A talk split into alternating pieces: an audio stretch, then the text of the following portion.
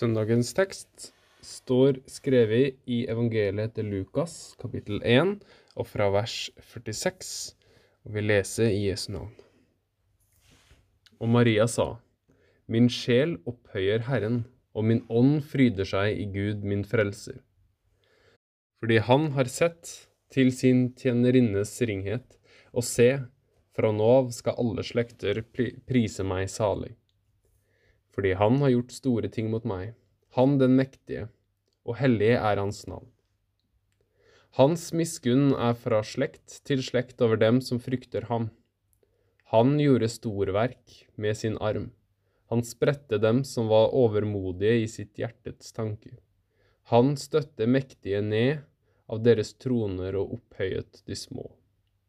Hungrende mettet han med gode gaver, men rikfolk sendte han tomhendte bort. Han tok seg av Israel sin tjener for å komme i hus sin miskunn, slik han hadde talt til våre fedre, mot Abraham og hans ett, til evig tid. Amen. Vi er midt i fasetida, og vi øyner dens slutt, men fremdeles så vandrer vi med ham til Golgata, som Wisløff har titulert sin bok. Fastetidas farge, liturgiske farge, er lilla.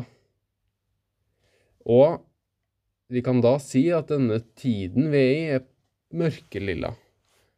Og det stemmer litt med hvordan vi kanskje opplever virkeligheten. At den er litt mørk, selv om det er vår rett rundt hjørnet. At vi stenges inne i hver vår lille celle, og vi ikke kan ha vanlig gudstjeneste. Så det passer på sett og vis.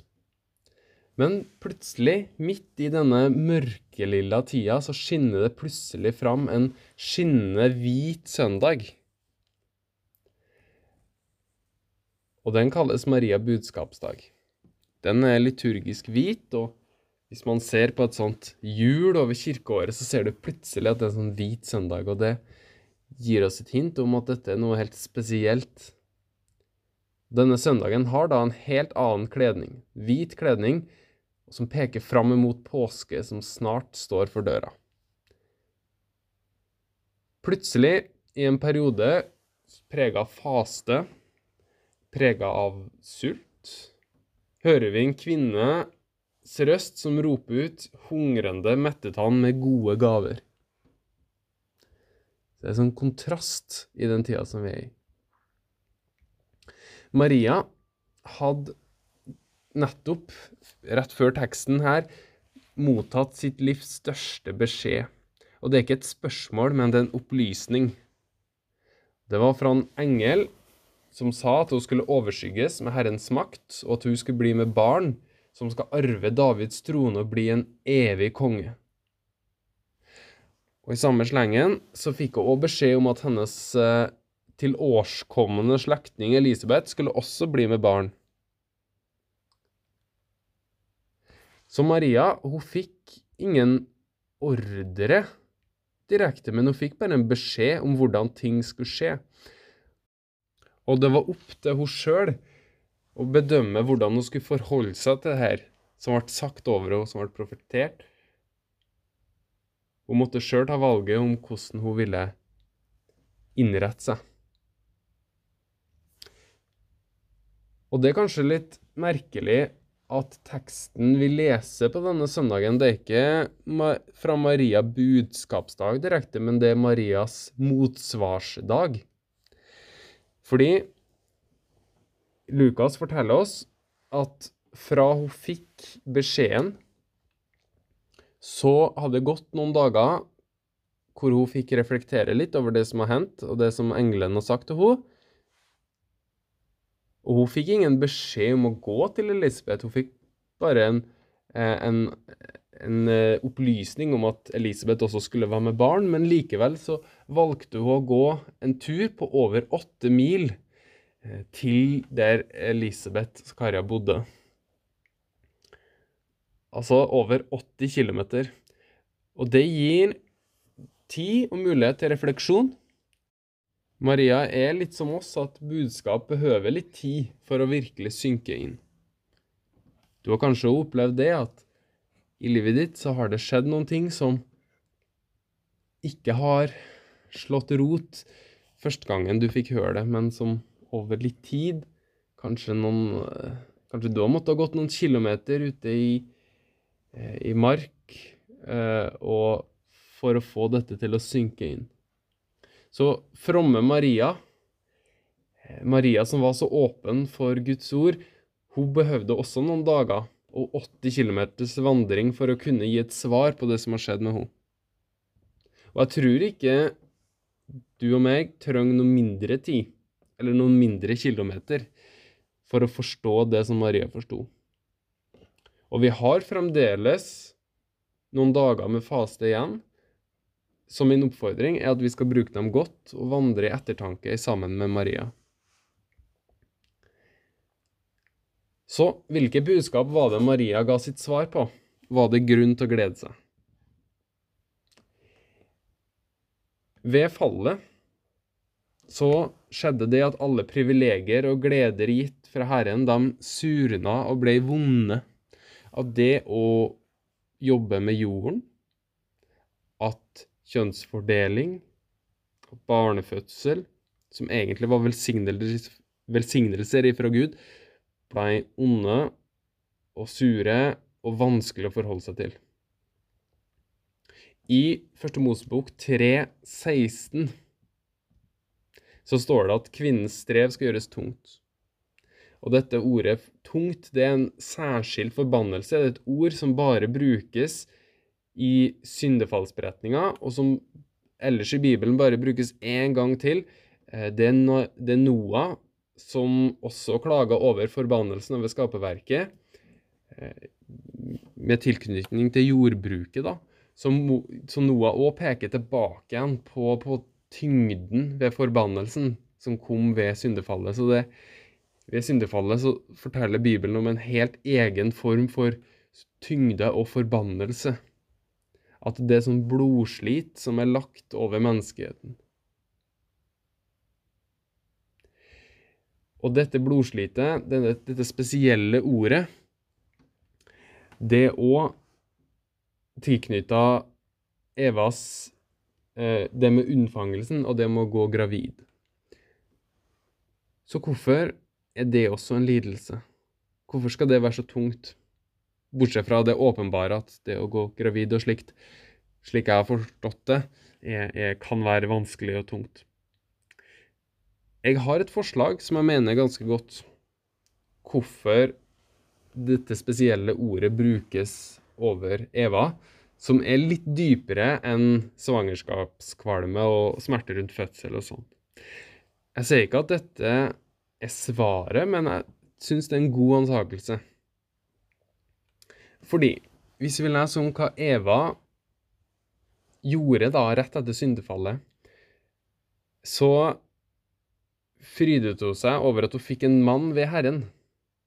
Jeg har fått en mann ved Herren, sa hun. Så kanskje hadde hun forventa å fått Messias, fordi Gud sa jo at det skal komme en fra din nett som skal knuse slangens hode, en Messias. Kanskje hadde hun forventa at denne Messiasen skulle komme allerede da, med en gang. Det er jo sånn at mennesket til syndefallet har fått en, en utålmodighet over seg og forventa at Gud skal svare med en eneste gang. Så kanskje forventer hun å få Messias. Men der tok hun feil. For ikke nok med at hun bare fikk et nøytralt menneske, men hun fikk morderen Kain, som drepte sin bror. Og helt fra den gangen så har på en måte Evas håp om at Messias skal bli født, at hun skal få å bære fram Messias, har det håpet blitt båret gjennom løftets folk om at en, en, eller annen graviditet en eller annen gang skulle få et avkom som skulle knuse slangens hode. Det har jødene båret med seg. Men det kom aldri. Så det er på en måte den, den lidelsen, den tyngden, det å forvente å få Messias, men han kom ikke. Men denne gangen så er det annerledes.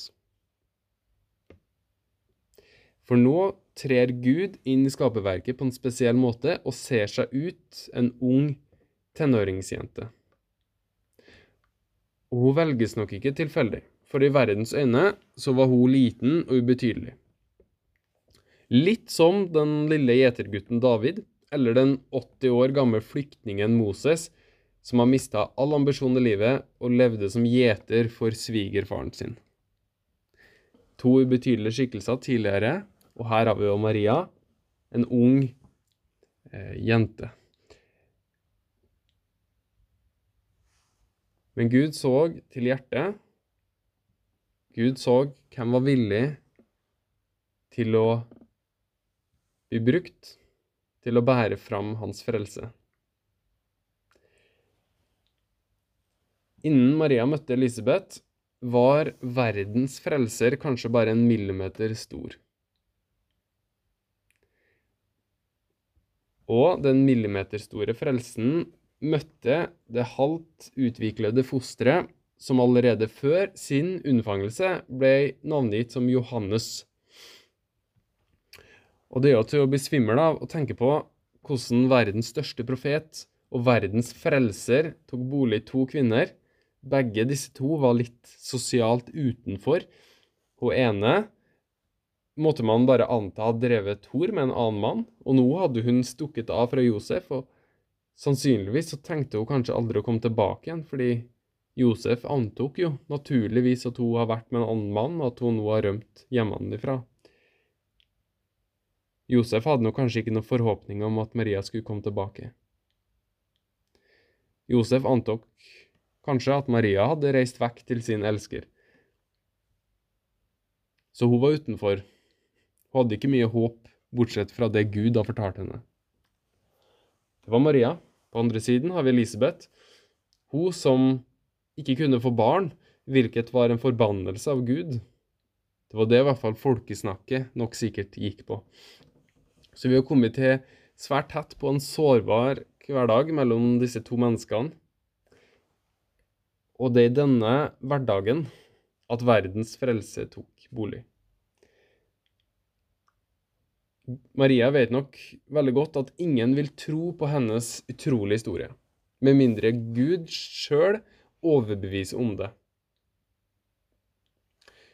For på dette tidspunktet så hadde Josef enda ikke fått åpenbaring fra Gud om at jomfruen Maria var blitt gravid ved Den hellige ånd og skulle føde Kristus. Det eneste han i hele den vide verden som trodde på dette, var hun sjøl og Elisabeth og hennes seks måneder enda ikke fødte sønn. Det er de tre som tror på verdens frelse. Og det er Gud selv som har gitt dem overbevisning om det. Så disse tre de er på en måte den kristne kirke på jord. De som tror på verdens frelse. Og jeg håper også, og ber om at også du er blitt overbevist om hennes utrolige historie. At Gud også har overbevist deg om det. Fordi det her er den eneste historien som kan bringe oss frelse i en lang fasetid. I den mørkelille tida som vi nå er i, og som varer frem til dommens dag, langfredag, og så kommer påskedagen etterpå. Det er hennes lovprisning som er lyspunktet, den hvite søndagen som vi kaller Maria budskapsdag. Det er verken historier om vaksiner som etterpå blir avslørt til å slettes kanskje ikke være så sunne likevel. Det er ikke historien om bedre tider, økonomisk oppsving, ny og bedre president i USA, eller kanskje du har fått en gledelig historie innad familien, at du kanskje får et barnebarn eller barn eller onkel, eller at du skal bli tante, eller et eller annet slikt. Det er ikke det som er håpet. For det vil svikte, men denne historien, det er det som er lyspunktet. Den hvite søndagen. Den hvite søndagen som peker fram imot Kristi oppstandelsesdag, søndagen som venter om noen uker. Både profetsøndagen som peker fram imot påsken, oppstandelsen. Store ting har han gjort imot deg og meg. Han brøytet seg frem i ondskapen og støtte herskeren ned fra tronen han tok seg av Israel. Slik lyder da Marias lovsang. Min sjel, det hele mennesket. Alt som fins i Maria, gjør Herren stor. Herres, hennes ånd fryder seg i Gud sin frelser. Vi legger merke til at Maria i sitt motsvar ikke taler noe som helst om det lille fosteret, men om den store og mektige Herren som gjør storverk med de små. Marias lovsang om Herrens nådige blikk og store rettferdighet sprenger historien, og den samles med mange andre lovsanger til Gud. De som fryder seg over hva Gud har unnfanget i dem. Og en lovsang som særlig klinger sammen med Maria, den er i første Samuels bok, Hannas lovsang. Hanna som også frydde seg over Herren, for du fikk lov til å bære rent fysisk et barn under sitt hjerte. Og heller enn å på en måte gjemme velsignelsen hos seg selv, så løfta hun sin stemme til Gud og så på alt det herlige som Gud gjorde. Og alt det herlige som Gud ville gjøre gjennom hennes sønn. Og hennes sønn, Hannas sønn, det ble profeten Samuel. Det var jo han som som liten gutt hørte Guds stemme i tempelet, og som var en rett dommer for Israel. Så Hanna og Samuel det profeterer også fram imot Marias lovsang, som igjen profeterer fram imot påska. Det henger sammen. Samuel han var på mange måter en god mann, men Bibelen forteller oss at han gjorde også feil. Han fikk bl.a. dårlige sønner som var korrupte. Så han var bare et svakt forbilde på det som Maria her lovsynger om. Men Maria hun fryder seg over at Gud skal bringe rettferd til verden. Hun fryder seg over sin miskunn. Det er noe annet enn det Hanna kunne profetere om som skulle skje med sin sønn, Guds miskunn er ikke noe svevende og noe åndelig. Ja, åndelig i den forstand at det er noe som bare skjer sånn i kosmos, i åndeverdenen. Men det er en fysisk person. Det var Jesus som var miskunnen. Det er Jesus som er rettferdigheten. Det var ikke han som slik som Samuel, som bare hørte Gud, men han var Gud, og han talte Guds ord. Han gjorde store ting mot både Maria, mot Elisabeth, Johannes og mot oss.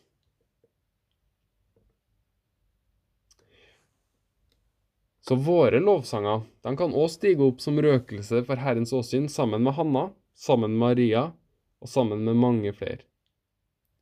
Vi har også mye å takke for, både det vi får av velsignelser i denne verden, og kanskje burde vi også takke for våre kors, det som vi må bære. Fordi at kvinnene kvinner måtte jo bære eh, de sønnene og de, eh, det barnet som de fikk. Og det bærer jo med seg mye smerte, men også velsignelse.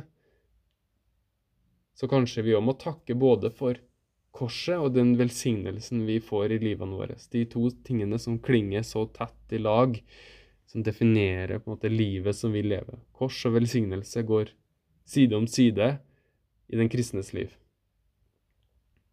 Men mest av alt så må vi takke for frelsen som kom og tok bolig blant oss, og frelsen som tok bolig i oss. Han slo ned sitt telt blant oss, står det i Johannes 1. Jeg har lest et sted om at en kvinne aldri helt klarer å løsrive seg fra sitt barn. At barnet på en måte kryper under huden hennes og forblir der resten av hennes liv. Hun vil alltid være knytta til barnet, selv etter at det har forlatt redet og laget sitt eget hjem.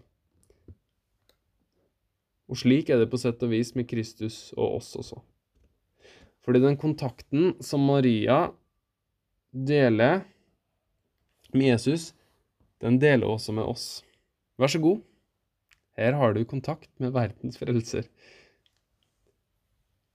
Når vi hører hennes ord og tror det, så får også vi Kristus under hjertet. Maria og Jesus de delte jo liv med hverandre rent sånn fysisk. De hadde samme blodomløp, sånn rent fysisk. Men vi får også ta del i hans liv. Vi får også bære han under våre hjerter. Vi får også dele blodomløp med Kristus. Og dette er ikke bare en sånn billedlig, rent åndelig virkelighet, men det er like sant for oss som det er for Maria. I Efesebrevet så bryter Paulus ut med en vakker liten hymne som griper dette. For det står i Efeserne 3, 17. Må Kristus ved troen bo i deres hjerter, og dere står rotfestet og grunnfestet i kjærlighet. Og Senere så ber Paulus om at hele menigheten må bli fylt av hele Guds fylde. Så tenk det, at vi med våre små kropper og små sjeler kan bli fylt av den allmektige himmelens og jordens skaper, at han kan ta bolig i oss.